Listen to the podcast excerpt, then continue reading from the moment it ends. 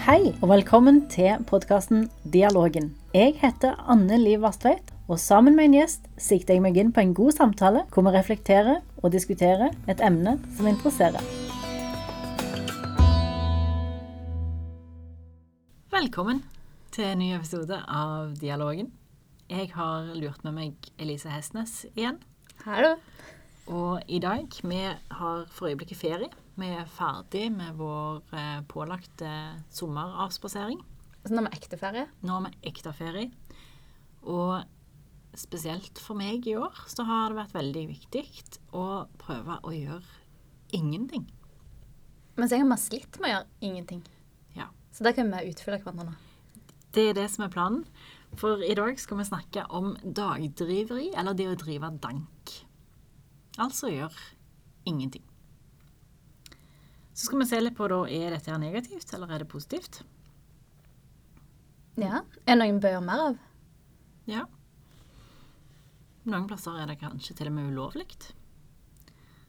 Så det, vi skal innom litt forskjellige ting i dag. Men det viktigste er at det, det skal være avslappende. Det skal ikke være krevende på noen som helst måte. Det skal være eh, som å gjøre ingenting. Det ble vel du spurt om òg, når du drev og forberedte til denne episoden? Ja. Da satt jeg og så på alle notatene våre. Prøvde å tenke ut om jeg er klar. Og så kom jo egentlig da beskjed om trenger du forberede deg til det. Det handler om å gjøre ingenting. Stemmer. Men jeg er ikke god på det, tydeligvis. Nei, vi er ganske dårlige på det begge to. Og det er jo derfor jeg har bevisst gått inn for at eh, i sommer så skal jeg gjøre så lite som mulig. Mens jeg tydeligvis planlegger planlegge å snakke en gang om å gjøre ingenting. Ja. Ja. Men så har vi jo snakket litt om tidligere òg, når jeg planlegger å gjøre ingenting, så skjer det ganske mye. Så ja.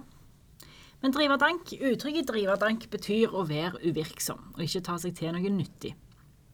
Opprinnelig må betydningen ha vært mer konkret, som å slenge eller slentre. Det har du på mange dialekter. Sånn. Du går nærmest og dasser rundt. Ja. Dilte. Ja. Dingle. Kjært barn, mange navn. Oh yes. Eh, ordet blir også brukt om en mynt med lav verdi, f.eks. en kobberdank, altså en slant av noe.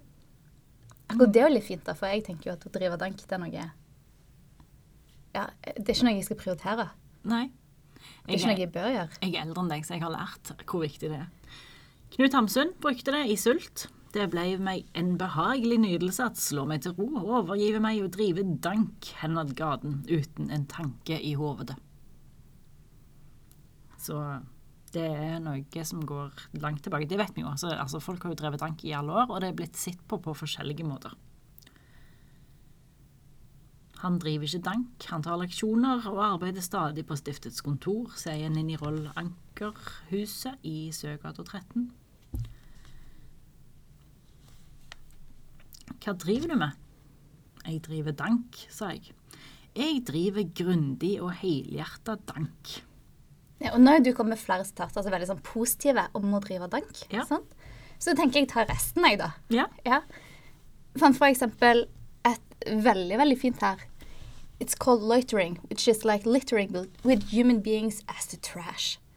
Og det er jo litt det jeg tenker. sant? Drive dank, det Nei, det har ikke jeg tid til. Det er litt sånn som Pål Gerhard Olsen sier i Ja, han kan ikke bare gå og drive dank når han slaur. Nei. Det blir sett på som noe negativt. Så vi måtte jo ha med den sida. Jeg tenkte jeg skulle representere dette skikkelig nå. Ja. Eh, for det, altså, ja, vi har begge sider. Det er både positivt og negativt. Eh, kan det være Vi skal se litt på de positive aspektene av det, og de negative. Gjerne hvorfor, vi- eller hvorfor jeg føler det er noe negativt. Ja, Ja, Mens du er litt mer positiv her. jeg er veldig positiv til det. Jeg syns det er kjempeviktig å gjøre ingenting. Men jeg skal komme litt tilbake til hvordan nederlenderne gjør det, f.eks. Og sånn, og så um, Ja. Jeg er jo ikke veldig flink til å gjøre ting sånn helt uten mål og mening. Jeg kan ikke sette meg ned og se på TV og se et program som jeg ikke har interesse av å se. Da får jeg litt klaus.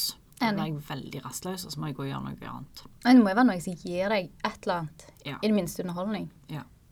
Så, og jeg tenker at når vi ofte er veldig påskrudd hele veien, så er det godt å sette seg ned og gjøre ingenting. Og det jeg da, når jeg snakker om det å gjøre ingenting, så er det å gjøre ingenting med mening. Hva legger du i det, da? Du setter deg bevisst ned for å gjøre ingenting. Du skal finne igjen hvilepulsen. Jeg husker når jeg hadde små unger og en mann som jobba i Nordsjøen. Og det var noe som skjedde hele veien døgnet rundt. Så satte jeg på alarm på klokka. Tror det var 11 minutter jeg hadde før neste ting begynte. Og så la jeg den ifra meg med 11 minutter på alarmen. Og så satte jeg meg ned og gjorde ingenting i 11 minutter. Og det å gjøre ingenting i 11 minutter, det virker ikke så veldig altså, krevende på noe som helst sett og vis, men bare det å sette seg ned og være alene med egne tanker, Mm. tror jeg er sunt. Det er litt sånn som vi sier med unger, at det, det er sunt å kjede seg. Det er det jo. Ja. Det er jo nesten et problem når folk ikke kjeder seg nok. Men er jo ikke det en form av å drive dank, da? Sette eller kjede seg litt. Det vel gjerne. Og så tenker jeg i løpet av de siste årene, jeg føler ting har vært så kotisk så ofte, både privat og jobb og alt mulig, at akkurat det med å finne hvilepulsen har jeg faktisk blitt flink til. Ja, sant? Jeg har faktisk sjekka pulsen ganske mange ganger i løpet av året. Det har nærmest blitt en sånn ting du kjører hjem fra jobb, og du vet at å herregud, nå var det mye. Sjekk, finn, OK, nå roer man. Ja. Men den gjorde jo jeg meg avhengig av når jeg gikk på den smellen som jeg har snakket om tidligere, for noen år tilbake. For da plutselig så steg hvilepulsen min med sånn 15 slag i minuttet. Og det var over tid. Mm. Og, og det er jo et tegn på at ting ikke er veldig bra. Det er jo det. Så, så det å være obs på hvor hvilepulsen ligger Og så har jeg jo da liksom blitt obs på hva tid det svinger. Noen ganger så er den høyere, noen ganger så er den lavere. Det har med liksom, menstruasjonssyklus å gjøre, det har med væsketap og hvor dehydrert jeg eventuelt er. Mm. Eh, hvis det er alkohol i bildet. Det er det selvfølgelig ikke. Jeg er lærer, jeg er mor. Vi drikker jo aldri. Nei, aldri. Så, sant? så det er forskjellige ting som spiller inn, som, som påvirker hvilepulsen. Mm. Mm. Men jeg tror at når jeg kjenner jeg litt negativ negativt til det å drive dank, Ja. så er det mer at jeg klarer bare ikke å gjøre det. Jeg er så vant til at det alltid er ting som skal skje, at med en gang det forsvinner, så er det sånn vakuum. Og den er ikke lett å befinne seg i. Nei, og det er der Den lever best som kan kunsten å slappe av. Takk for den. sier. Så kanskje sant? Det er jo så nyte av livet. Mm. Eh, det var et, eh, nå når jeg skulle lete fram da, forskjellige sitater og sånn, om det å drive dank, så kom jeg over en eh, artikkel om Haja Tajik, som sa det at hun liker godt å drive dank. Hun sa det skulle bli godt å komme tilbake på jobb etter fem måneders mammaperm med dattera, men hun liker godt å drive dank. Mm. Mm. Men så sies det jo òg at lediggang er roten til alt ondt. Ja, det gjør det. Og det har blitt sagt ganske lenge. Ja. Og da er vi tilbake igjen på 300-tallet. Da kommer mest sannsynlig det uttrykket. Mm. Og det finnes jo mange varianter av det. Men det viktigste liksom, formen for det uttrykket er vel at du skal holde deg opptatt, sånn at ikke djevelen finner deg når du da ja, driver dank. Ja, stemmer. Sånn. Tror du han klarte det på de elleve minutter? Eller må det mer til? Altså, det kommer litt an på hvor du befinner deg. Jeg har hørt at det er farlige barer på 1800-tallet. Ja, Ja. men nå er det kanskje mer enn elleve minutter. Mm. Ja. Men det, det skal komme fra en som heter Hieronymus. Så Ja. det var en prest, historiker, hadde egentlig veldig mange roller. Så renessansemenneske som mange av de andre vi har snakket om. Ja, litt. Mm. Og han skal da ha sagt arbeid og gjøre noe sånn at djevelen alltid finner deg opptatt. Og det er jo et eller annet med det at du hele tiden skal holde deg ja, engasjert med et eller annet, om det er kristent arbeid eller hvem det er i det tilfellet her. Men det er jo fordi at det da skal kunne skje noe negativt hvis du ikke gjør noe. Ja.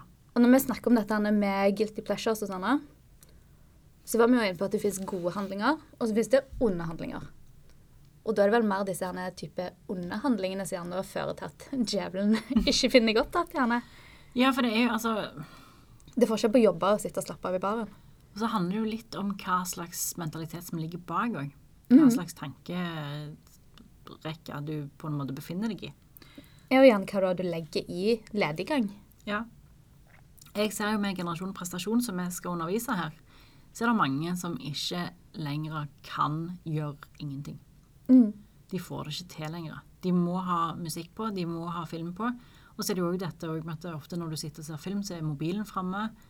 Eller sant? Der er hele veien så mye som okkuperer hodet vårt, at det er godt av og til å skru av. Og her er jeg sikkert sykt dårlig påvirkning. Ja, jeg tror ikke du blir den beste, men altså, det kommer jo an på Ikke på akkurat det emnet. eh, Heldigvis så har du veldig mye annet der du er langt flinkere enn meg. Men poenget er altså, jeg, jeg tror vi har godt av av og til å gjøre ingenting. Mm. Jeg vet jeg har godt av det. Det var en, et debattinnlegg i Stavanger Aftenblad som er i, fra 19.12.2019, så det er jo et uh, stykke tilbake. Men der står det at lediggang er rota til mye godt.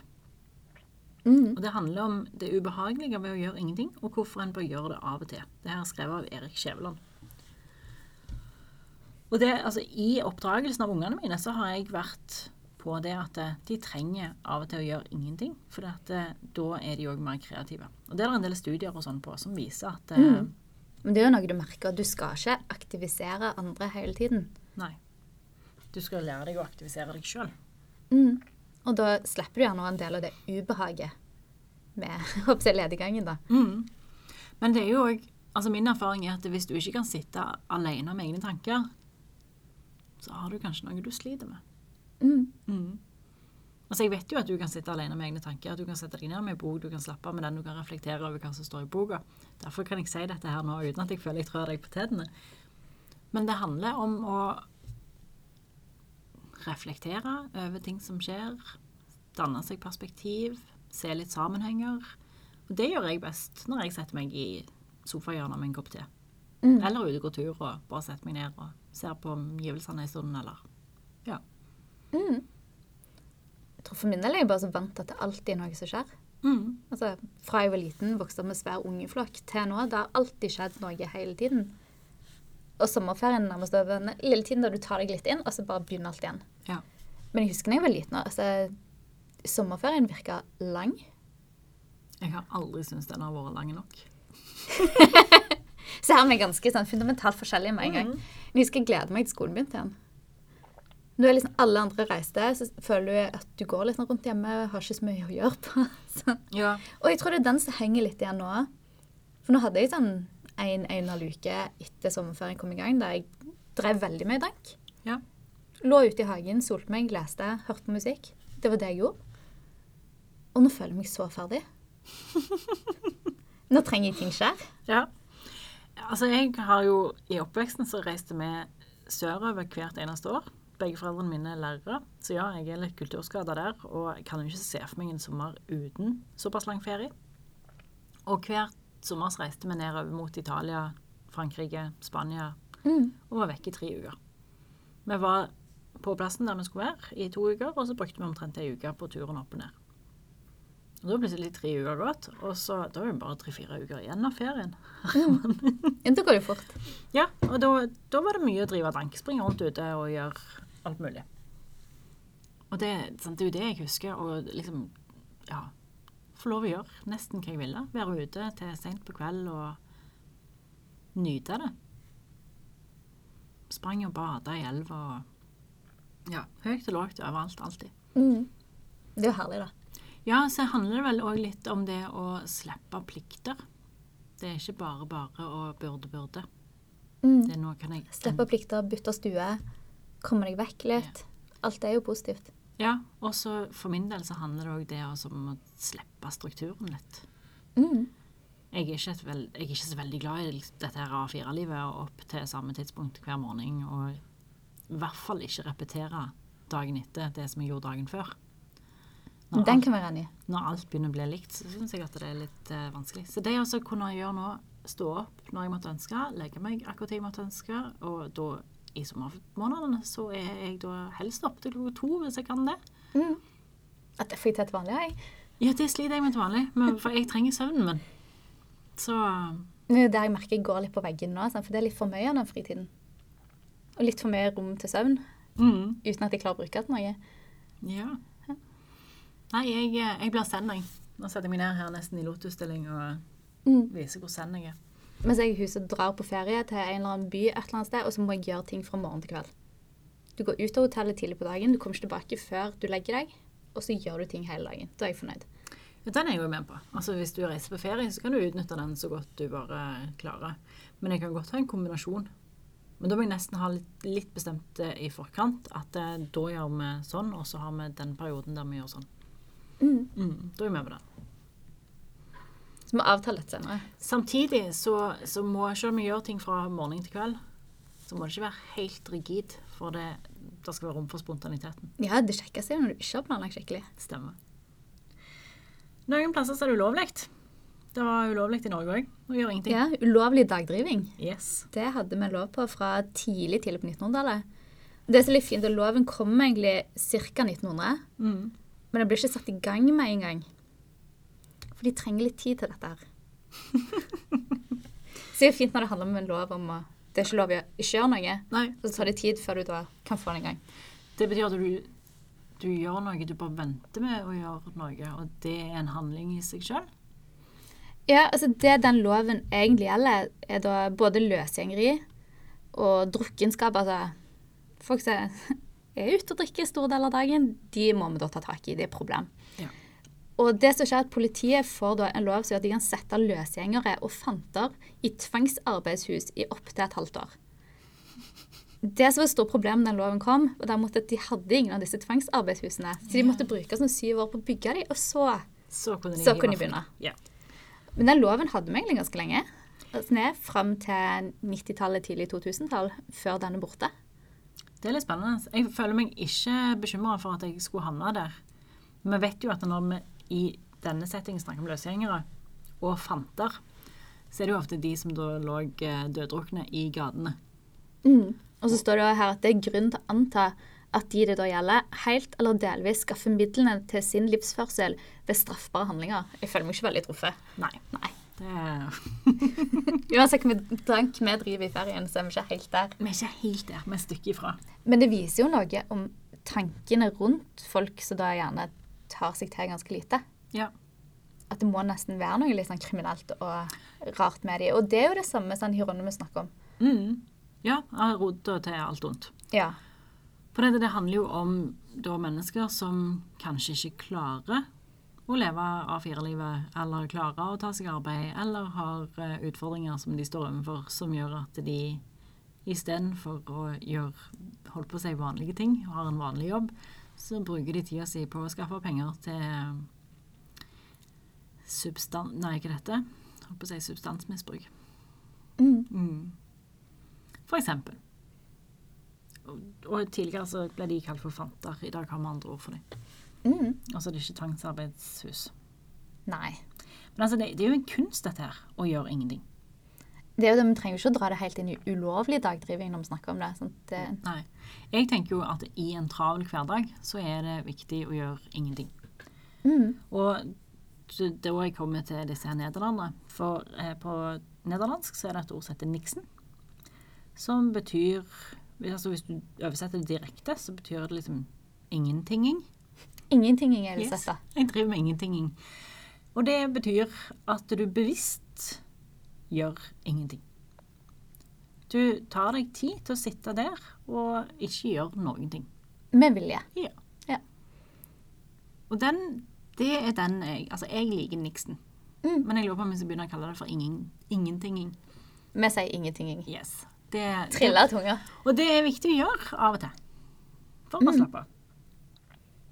Og dette her ble jo da eh, hevet opp Hvis du googler Nixon, ikke med X og O, men Nixon, N-I-K-S-E-N, så vil du da få eh, briter som sammenligner dette med Tidligere så var det hygge, nå er det Nixon. Så Med- ingenting er egentlig det nye ordet nå, da. Yes. Ja. Jeg liker at vi coina den her. Det er fint. Dere hørte det her først. Yes, Det er det samme som den der klikken vi har snakket om tidligere. Klikk og ingenting.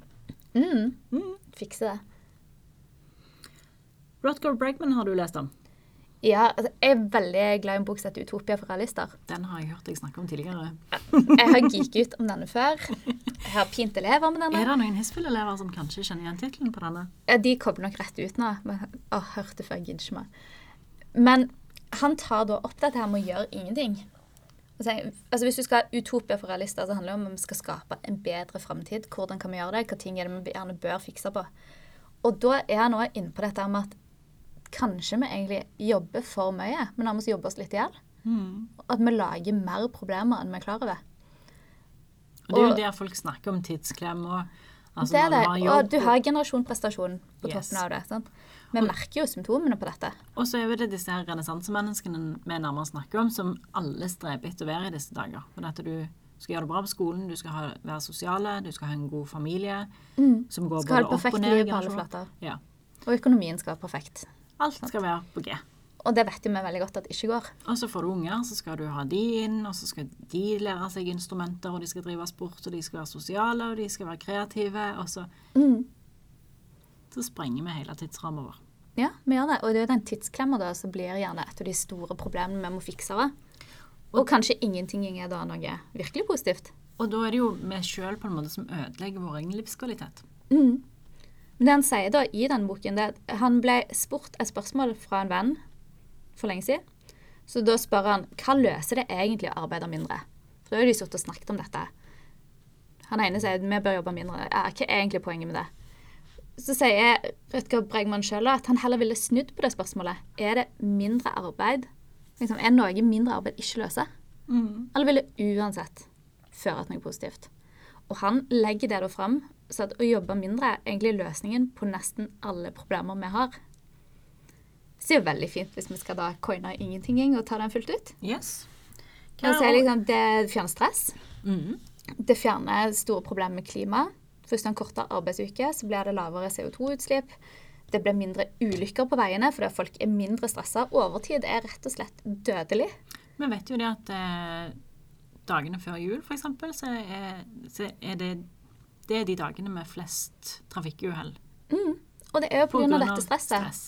Og gjerne da folk jobber, jobber, jobber, så skal de rett ut og fikse alle disse tingene og holde fasaden oppe. Ja. Så hvis vi blir kvitt den nå, så er det positivt. Mhm. Vi kan bli kvitt arbeidsledighet.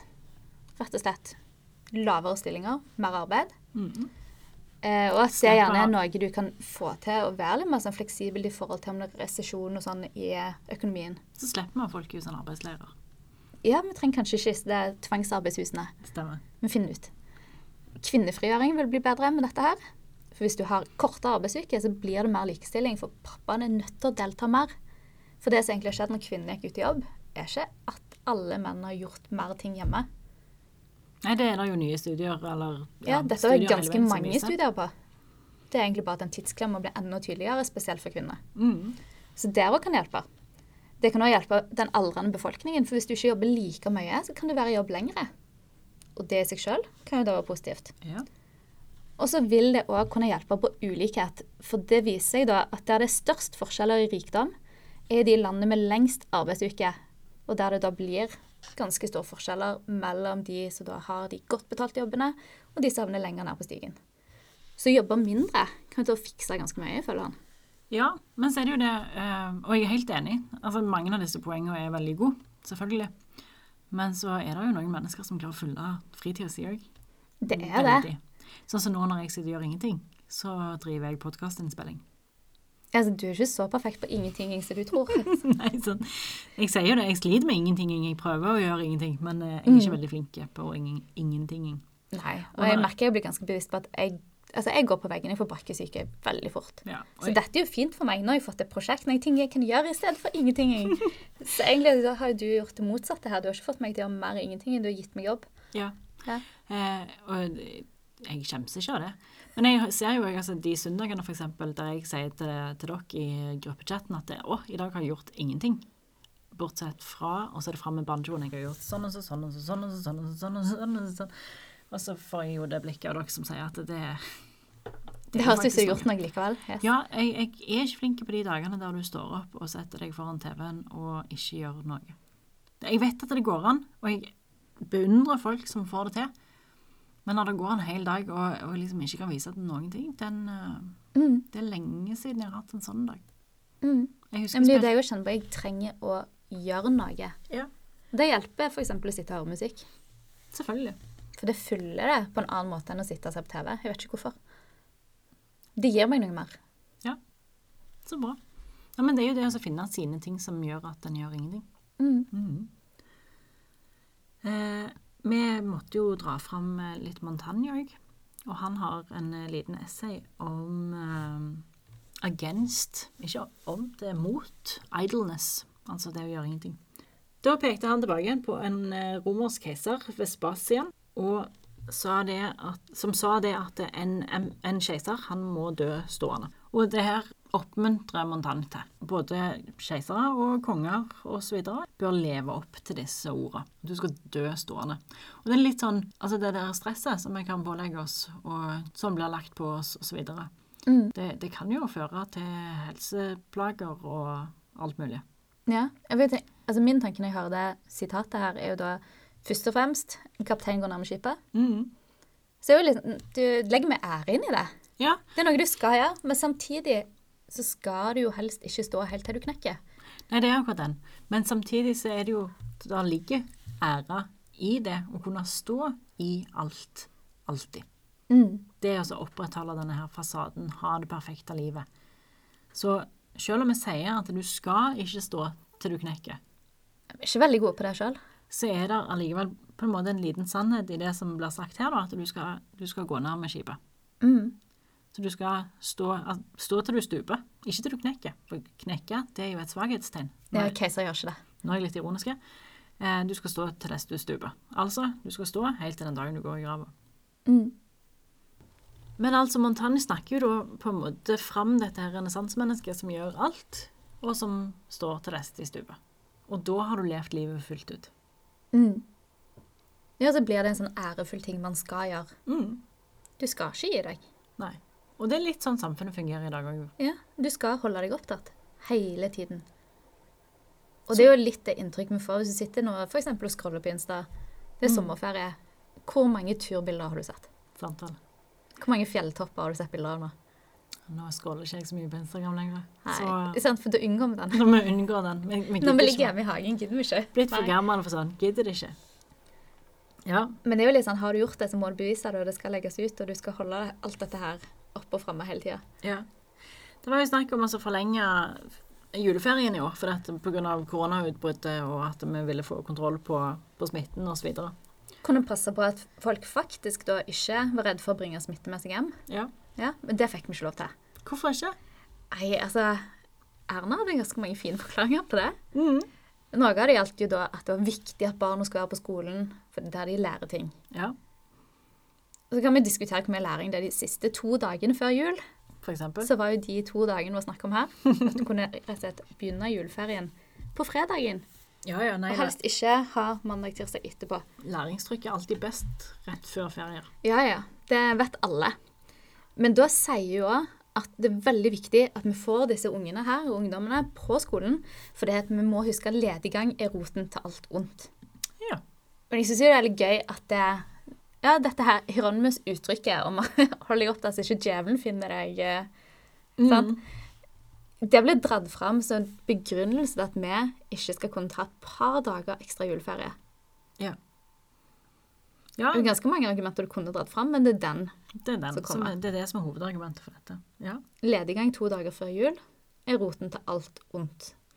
Og da sikter jo mer til at da går de hjem, de henger med hverandre, de smitter hverandre. Eller de driver dank i byen. Ja, de driver dank i byen. Mm. Krise. Vi har et døme her. Ja, altså når vi snakker om jobb, så måtte vi ha med dette her òg. Å sitte på møte Nei, du må ta det med den dialekten. Nei, det, det gjør jeg ikke. Du kan ta den. Vi skal legge den ut på den kommer på Instaen. For her er det eh, form for eh, det oppe i Sogn en plass, tror jeg. Superlaget Sogndal, tenker jeg på når jeg ser disse diftongene her. Ja, jeg tenker vi, vi prøver å unngå å lese den akkurat sånn, men vi legger den ut. Ja. Ja. Men å sitte på møte er bare dagdriveri. Det er ingenting nyttig som verken blir bestemt eller gjort. Stemmer. Informasjonsmøter. Planleggingsmøter. Ja. Ja. Nei, det, det er mange møter. Det, altså, det forekommer jo i alle, alle bedrifter og firma. Alle plasser der folk møtes og skal jobbe sammen, så er det møter. Og vi har eh, alle vært borti de møtene som kunne vært en e-post. Vi har det. Mm. Nei, men eh, hva tenker du? Eh, Du har noen uker ferie igjen. Hvordan skal du holde ut når du har så lite du egentlig skal gjøre? Altså, jeg merker jo at jeg fyller opp de ukene ganske godt, nei. Ja, Det er veldig få dager igjen, der det ikke skjer ting. sant? Og det inkluderer òg helgene utover i august. Nå begynner ting å bli fullt. sant? Og har jeg det gøy, da? Ja. Og det er jo det med meg òg. Jeg, eh, jeg har noe å gjøre nesten hver dag. Mm. Som jeg snakket om på forrige episode. De dagene jeg har bestemt meg for å isolere meg og gjøre ingenting, så har jeg bare i snitt snakka med 20 mennesker. ja, sant. Så det, jeg, jeg må bli bedre på ingenting. Men det er en psykolog som snakker om aktiv hvile, eller aktiv restitusjon. Mm. Som betyr at du setter deg ned og, og nikser. Eller ingenting. Ja, du må bruke norske nå. Ja. Men eh, bare for å vise hvor det kommer fra. Niksinga. Eh, og det, det er godt for oss. Og jeg er sikker på at det kommer en eh, episode herifra senere om litt av eh, konsekvensene med det å gjøre ingenting. Fordelene og ulempene med ingenting og aktiv hvile, aktiv restitusjon osv. Eller hvor dårlig ingentingingen egentlig gikk.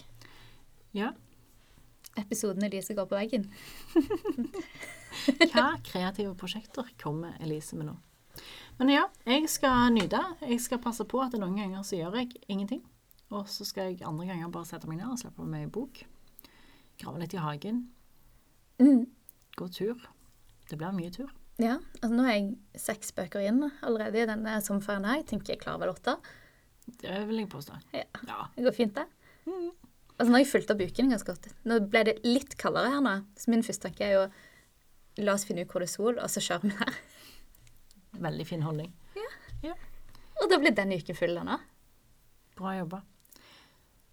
Jeg håper folk eh, fikk ingenting ut av dette her. Takk Og for, kan bli inspirert til ingentingingen ingenting. yes. Yes. Takk for praten. Takk for praten.